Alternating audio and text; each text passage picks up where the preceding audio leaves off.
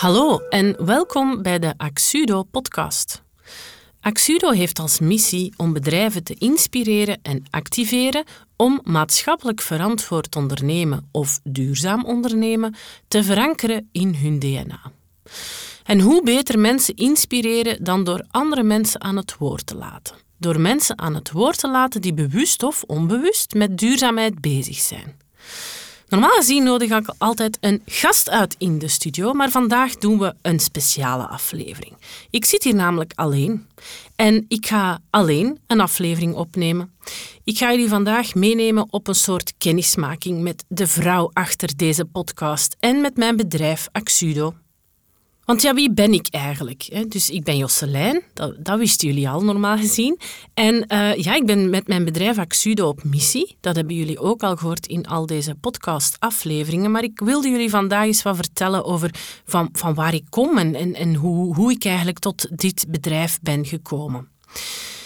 Ik ben afgestudeerd in 2003 als handelsingenieur, een heel economische gerichte richting. Ehm, en ik ben eigenlijk heel snel aan de slag gegaan bij een eh, bedrijf, een bank zelfs, waar ik uh, vijf jaar gewerkt heb in een IT-project. En dan ben ik na vijf jaar naar een andere bank gegaan om daar ook IT-projecten te doen. En na die vijf jaar ben ik in een softwarebedrijf gaan werken, waar we uh, software maakten voor het beheer van boekhoudkantoren. Dus ik heb eigenlijk in totaal daar ook nog zeven jaar gewerkt. Dus 17 jaar in IT-projecten gewerkt. En dat was eigenlijk een heel interessante en fijne ervaring. Ik heb daar superveel geleerd.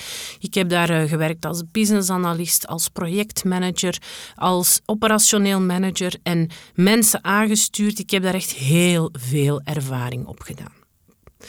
Maar na die 17 jaar had ik toch wel het gevoel van ja, is dit nu wat ik de rest van mijn leven wil gaan doen? En vooral het gevoel van, ja, draag ik iets bij aan de, aan de wereld? Hè? Verander ik eigenlijk iets? En, en het antwoord was heel duidelijk nee. Uh, en ik ben zelf dan op zoek gegaan naar wat, wat wil ik nu juist dan doen? Wat, wat wil ik graag veranderen? Hoe zie ik de zaken? En dan ga ik even terug naar toen ik, ja, ik denk 15, 16 jaar was. Toen was ik heel uh, geïnteresseerd in uh, organisaties zoals WWF en Greenpeace. Ik herinner me nog dat ik dan zo t-shirts aan had van eh, Greenpeace en van het WWF. En dat van, fantastisch vond wat dat die mensen allemaal deden. Dus die wereldverbeteraar, dat zat er eigenlijk al van jongs af aan wel in. Dat is door de jaren heen wat op de achtergrond gekomen, maar dat zat er toch altijd in. En na die 17 jaar werken in IT-projecten kwam dat toch terug naar boven. Een bijkomende uh, feit of, of, of ja, ervaring die ik spijtig genoeg heb moeten doormaken, is dat uh, in uh, eind 2017 mijn papa heel plots overleden is. En mijn papa was eigenlijk altijd het lichtende voorbeeld van mijn carrière. Hij heeft altijd zelf ook in IT gezeten, dus ik, eigenlijk denk ik dat het ook vandaar kwam dat ik daar zo in geïnteresseerd was. We hebben thuis vroeger nog met mijn broer computers uit elkaar gehaald en, en van alles geprobeerd in die computers. En we hebben echt wel ons geamuseerd met alles wat daar met computers te maken heeft. Dus de interesse en de, de, de passie voor IT kwam zeker vandaar. En met het overlijden van mijn papa kwam er eigenlijk een soort existentiële crisis. Uh, het was een plots overlijden, dus ik had wel zoiets van, ja, dat kan hier eigenlijk heel snel gedaan zijn. En wat laat ik dan achter? Uh, mijn kinderen waren op dat moment acht en vijf, dus nog redelijk jong. En ik wilde toch wel een voorbeeld zijn voor hen. Ik wilde toch wel hen tonen van ja, je moet eigenlijk vooral doen waar je gelukkig van wordt. Hè, want het kan zo snel gedaan zijn. En die existentiële crisis die heeft er eigenlijk voor gezorgd dat ik doe wat ik vandaag doe. Ik ben beginnen zoeken en lezen en opleidingen volgen over allerlei onderwerpen. En ik herinner me nog dat op een bepaald moment ik een artikel las over maatschappelijk verantwoord ondernemen. En I kid you not, het leek alsof de hemel openging en er een lichtje kwam dat zei, ja, deze is het gewoon, deze is het. Ik, ik voelde dat onmiddellijk van, dit is wat ik wil gaan doen. Maar wat dan? Hè? Wat, wat, doe je daar dan mee met dat duurzaam ondernemen? En, en, en wat is dat dan eigenlijk? Um, daar ga ik wat verder op ingaan. Eerst vooral, wat is duurzaam ondernemen? En dan, wat, wat doe ik dan eigenlijk met uh, Axudo? Maatschappelijk verantwoord ondernemen, ik zei het al, ik las een artikel en ik dacht, ja, dit is het echt. Dat gaat er eigenlijk over dat je als bedrijf je maatschappelijke verantwoordelijkheid opneemt. Want bedrijven zijn geen op zichzelf staande eilanden. Bedrijven hebben een maatschappelijke verantwoordelijkheid naar de, ja, naar de medewerkers, maar ook naar hun buren, naar hun, de gemeente waar ze in zitten. Een bedrijf moet echt rond zich kijken en kijken wat er allemaal gebeurt en, en, en daar ook rekening mee houden. En bij het, laatste bedrijf waar ik werkte, het softwarebedrijf dat software maakte voor uh, boekhoudkantoren, daar werd ook echt wel naar de omgeving gekeken. Daar werd echt gekeken naar ehm, wij zijn een werkgever en wij willen mensen uit de buurt de kans geven om bij ons te komen werken. Zodat ze niet meer naar Brussel moeten rijden, bijvoorbeeld, of naar Antwerpen en in de file gaan staan en zorgen dat hun work-life balance, of beter gezegd life-work balance, dat die eigenlijk in de juiste richting gaat. Dat was, dat was echt de insteek van de zaakvoerder toener tijd van dat bedrijf. En ik vond dat fantastisch. Ik vond dat echt fantastisch.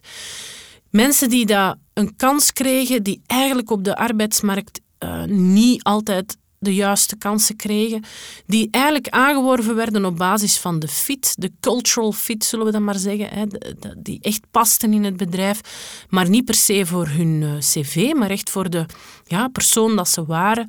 Dat was fantastisch. Dat werden mensen aangeworven, die kregen kansen, die werden opgeleid, die werden gecoacht, in de juiste richting geduwd en dat is een super dankbare manier van leiding geven. Uh, we hebben op een bepaald moment ook iemand met autisme aangeworven. Ik ben toen mij gaan inlezen en, en een opleiding gaan volgen van hoe geef je nu leiding aan iemand met autisme. Ik vond het geweldig. Uh, vooral ook om de, ja, de feedback of de, het fantastische eh, gevoel dat, dat die mensen nu dan ook geven. Want die, zijn super dankbaar, maar die doen ook hun keert hun best. En, en die, die presteerden ook naar behoren, daar was geen probleem mee. Maar die beseften allemaal wel van, we krijgen hier een kans. Die hebben al heel veel deksel op de neus gekregen. En, en nu kon dat wel.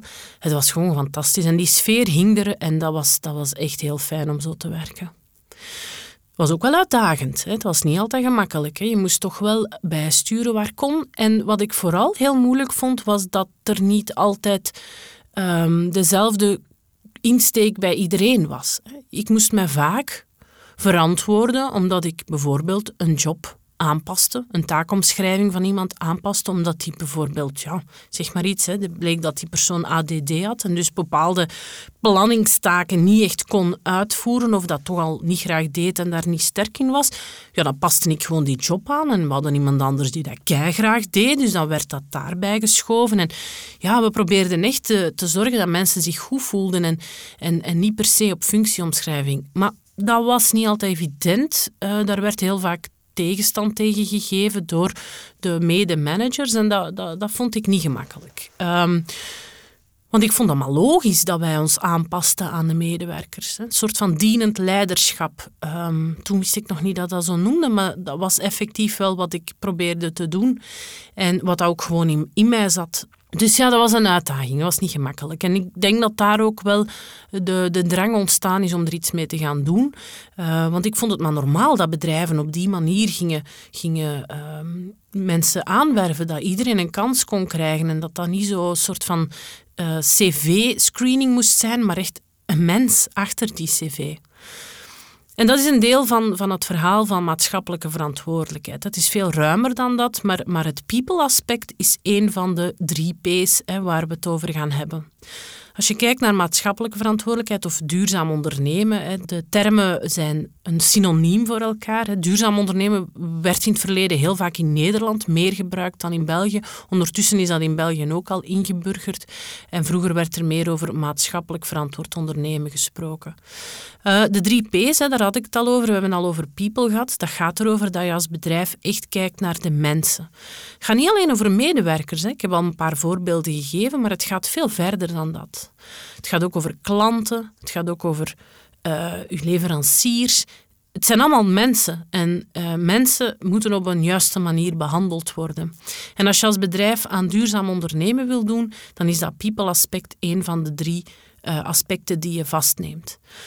Op een juiste manier met elkaar omgaan, zorgen dat iedereen daarin een, eh, een, een, evenwicht kan bereiken, dat je niet puur uh, je leverancier ziet uit te persen op de prijs, want daar worden zij ook niet, niet blij of niet beter van.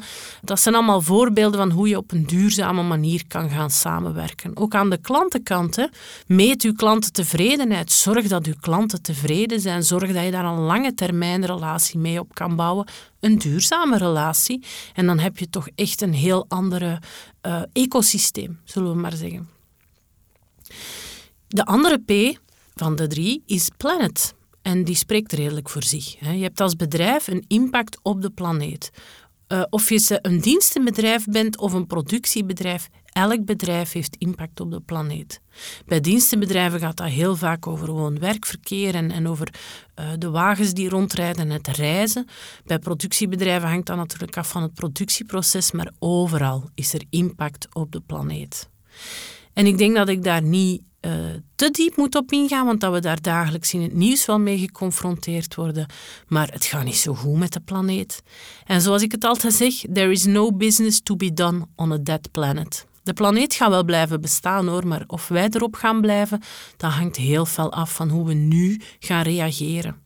En een andere quote die ik al eens gehoord heb is: Wij bezitten de planeet niet. Wij lenen ze hoogstens van onze nabestaanden. Denk aan kinderen, kleinkinderen, achterkleinkinderen. Die moeten hier over zoveel jaren ook nog op kunnen leven. En als wij verder doen zoals we nu aan het doen zijn, dan gaat er geen mogelijkheid meer zijn. En daar vind ik dat iedereen zijn steentje moet bijdragen. Personen, bedrijven, overheid, iedereen moet daar een uh, stukje in opnemen. En als we allemaal samen actie nemen, dan gaan we het probleem wel kunnen vastpakken, hoop ik, en kunnen oplossen. En wat houdt dat dan in? Ik focus mij daarbij nu op bedrijven, omdat uh, ja, omdat dat gewoon mijn interesseveld is. Maar ik ben er natuurlijk ook wel van overtuigd dat de overheid, zowel als privépersonen, hier ook iets in, in te doen hebben. En het mooie is dat als wij bedrijven kunnen inspireren om iets te doen rond de planeet, dat we daarmee ook de medewerkers van die bedrijven raken. En dat zijn toevallig privépersonen, dus die gaan misschien hopelijk thuis ook wel actie nemen. En dat zijn ook mensen die gaan stemmen. Dus die gaan misschien dan wel vanuit die acties op een andere manier gaan stemmen. Dus als we starten bij de bedrijven, zo zie ik het toch, gaan we eigenlijk wel een soort rimpeleffect kunnen creëren, waarbij dat we zowel privépersonen als ook richting overheid gaan kunnen um, acties doorduwen op de lange termijn. De laatste P is de profit. Profit, ja. De meeste bedrijven zijn wel gericht op profit en dat is logisch, want dat is gewoon de, de definitie van een bedrijf vandaag. je wil winst maken en er is niks in duurzaam ondernemen dat zegt dat een bedrijf geen winst meer mag maken. Zeker niet en in tegendeel, want het gaat over ondernemen, het gaat over duurzaam. Dus hoe kan een bedrijf duurzaam blijven voortbestaan? Dat is gewoon door winst te maken. Om die mensen te betalen, om die klanten te bedienen, maar ook om die planetaire impact aan te pakken. Dus wat de drie P's eigenlijk zeggen, is dat je bij beslissingen die je neemt in je bedrijf, dat je gaat rekening houden met meer dan winst en kosten alleen. Dat je gaat kijken naar, naast de profit, naar wat is de impact van mijn beslissing op people, op medewerkers, klanten, buren, leveranciers en op de planeet. Duurzaam ondernemen is dus een evenwicht zoeken tussen die drie. Maar we willen ook verder gaan. Het is niet alleen maar een, uh, uw verantwoordelijkheid opnemen en problemen gaan mitigeren, maar het gaat ook over uh, een positief effect creëren. Dus uh, het idee van Axudo is dat we duurzaam ondernemen gaan dat we daaraan gaan starten, maar dat we ook op de lange termijn gaan zorgen dat dat verankerd wordt in het DNA van je bedrijf.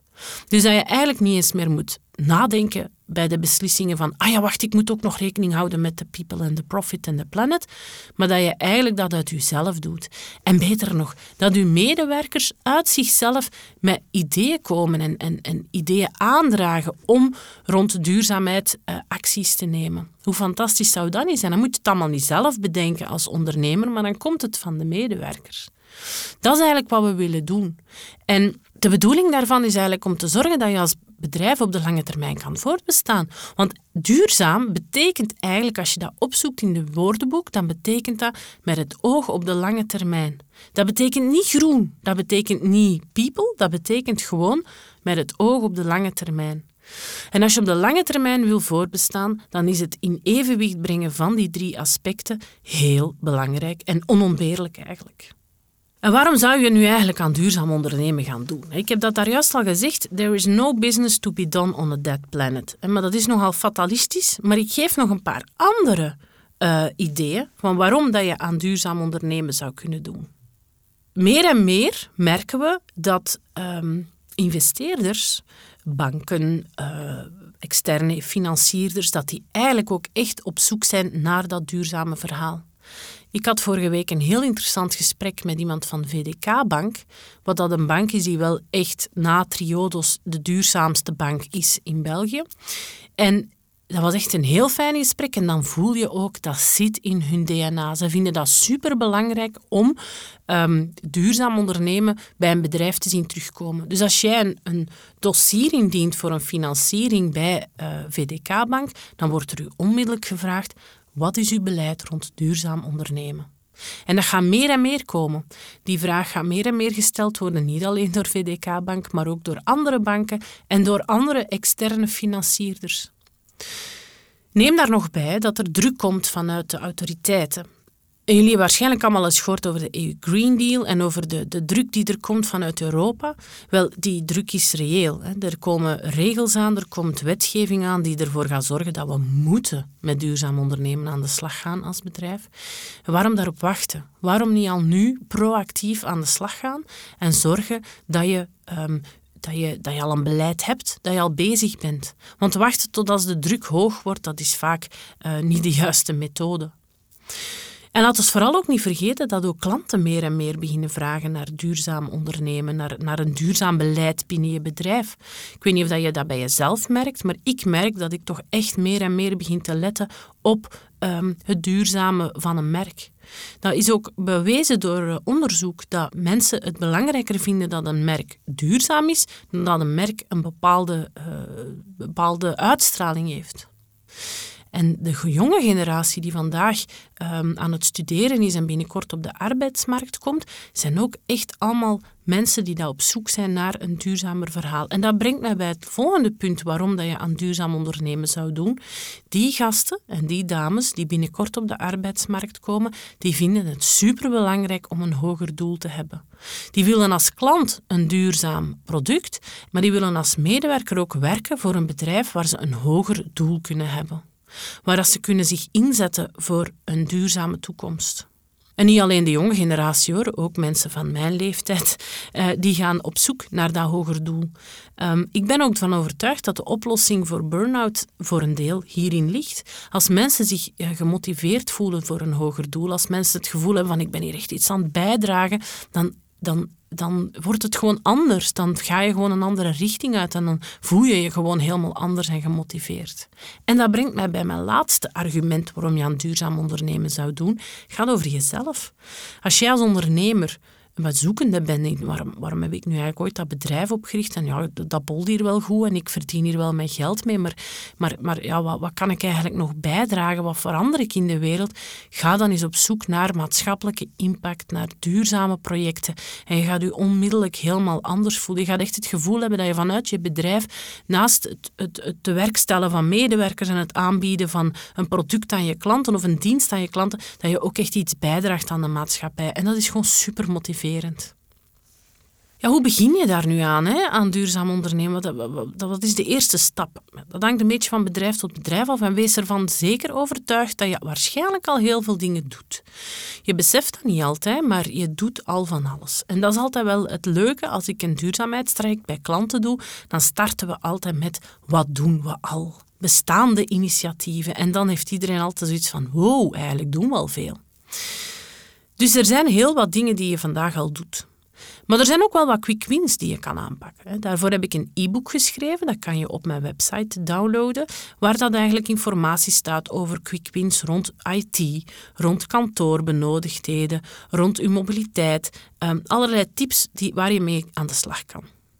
En daarna is het dan een traject. Het duurzaamheidstraject. Met een focus op de hele waardeketen. Niet alleen uw eigen ding, maar ook uw leveranciers en uw klanten. En we gaan dat ook ehm, samen met de medewerkers uitrollen, dat traject, waardoor het ook gedragen is door de medewerkers. Waardoor dat we ervoor zorgen dat de medewerkers ook hun input kunnen geven en ook zij weer gemotiveerd gaan raken door dit verhaal. Zo'n traject bestaat uh, standaard uit een aantal workshops en een, um, een, een, een, een verslag wat ik maak. Maar het allerbelangrijkste is dat we tot een concreet actieplan komen. We bouwen een visie, we bouwen een specifieke visie voor jouw bedrijf op duurzaamheid. Want heel veel mensen zeggen, dat is zo'n containerbegrip. Wel, in het traject wat ik aanbied, gaan we eigenlijk dat containerbegrip op maat van jouw bedrijf uitwerken. En de visie die we uitwerken, dat is effectief het, um, ja, het op maat verhaal van jouw bedrijf. En dan gaan we een actieplan maken. Want zoals ik al zei, met mijn ervaring uit de IT, uh, als projectmanager, een actieplan, dat is echt mijn dada. Dat vind ik superbelangrijk, want je komt maar tot actie als je maar gewoon een deftig plan hebt waar je je aan houdt. Dus we maken een actieplan waarin dat grotere en kleinere acties samen opgesomd worden, waar dat we ook direct bijzetten welke actienemer er is. Dat wil zeggen dat we de verantwoordelijkheid ook bij mensen leggen, bij medewerkers van je bedrijf. En zo kan je na het traject aan de slag. En aan de slag, dat wil zeggen, we starten met een aantal acties, maar je zal zien dat door die acties het DNA van je bedrijf gaat veranderen. Dat je eigenlijk gaat zorgen dat je bedrijf duurzamer wordt. Dat medewerkers gaan nadenken over duurzaamheid en gaan met ideeën komen van tja, wat we daar doen, dat is niet zo duurzaam. Hè? Bepaalde bedrijven komen vaak naar mij en zeggen van ja, dat is eigenlijk wel tof, want nu komt mijn HR-medewerker bij mij en die zegt ja, we moeten een cadeau hebben voor kerstmis voor uh, onze medewerkers. Ja, maar het moet wel iets duurzaam zijn. Hè? Dus je, je krijgt eigenlijk een soort van uh, ja, DNA-verschuiving, waarbij dat iedereen stilaan meer en meer uh, gaan nadenken over duurzaamheid en je eigenlijk binnen de kortste keren je duurzaamheid verankerd hebt in je DNA. Naast het activeren en in de actie gaan, inspireer ik ook mensen rond duurzaam ondernemen. En een van de inspiratiebronnen is deze podcast.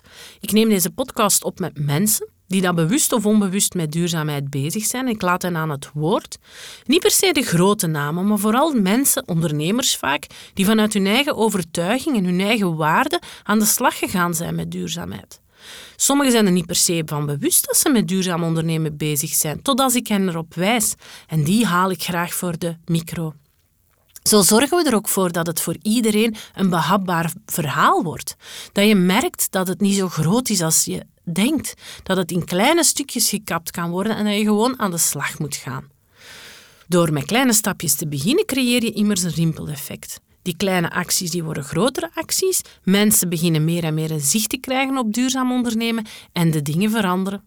En dat is het allerbelangrijkste, dat we zorgen dat we allemaal samen kleine of grote stappen nemen en dat we samen aan die kar trekken. Niet tegen elkaar, maar samen. Want alleen als we samenwerken, gaan we dat, ja, dat cut-off point waar we eigenlijk naartoe aan het gaan zijn, kunnen omkeren. Je hoort genoeg op de media over het onderwerp van klimaatopwarming. Probleem is nog veel groter dan dat. Maar daar zullen we eens een andere podcast aan wijden. Maar het is in ieder geval belangrijk dat we allemaal samen trekken aan diezelfde kar. En hoe plezant is dat niet om allemaal samen in dezelfde richting te kijken? Kort samengevat was dit een beetje wat ik jullie willen vertellen. Begin gewoon met kleine stappen. Begin met de quick wins. Je kan onder andere op mijn website de e-book downloaden. Stuur mij een mailtje, stuur mij een connectieverzoek. Uh, al wat je wil, we kunnen met elkaar in connectie en in gesprek gaan. Ik praat heel graag met mensen over dit onderwerp.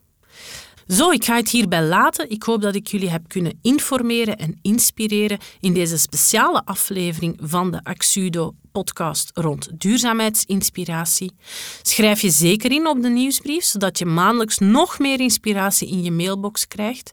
En bedankt voor het luisteren en tot een volgende keer. Bedankt dat je luisterde naar deze podcast. Hopelijk ben je geïnspireerd geraakt door duurzaamheid en duurzaam ondernemen.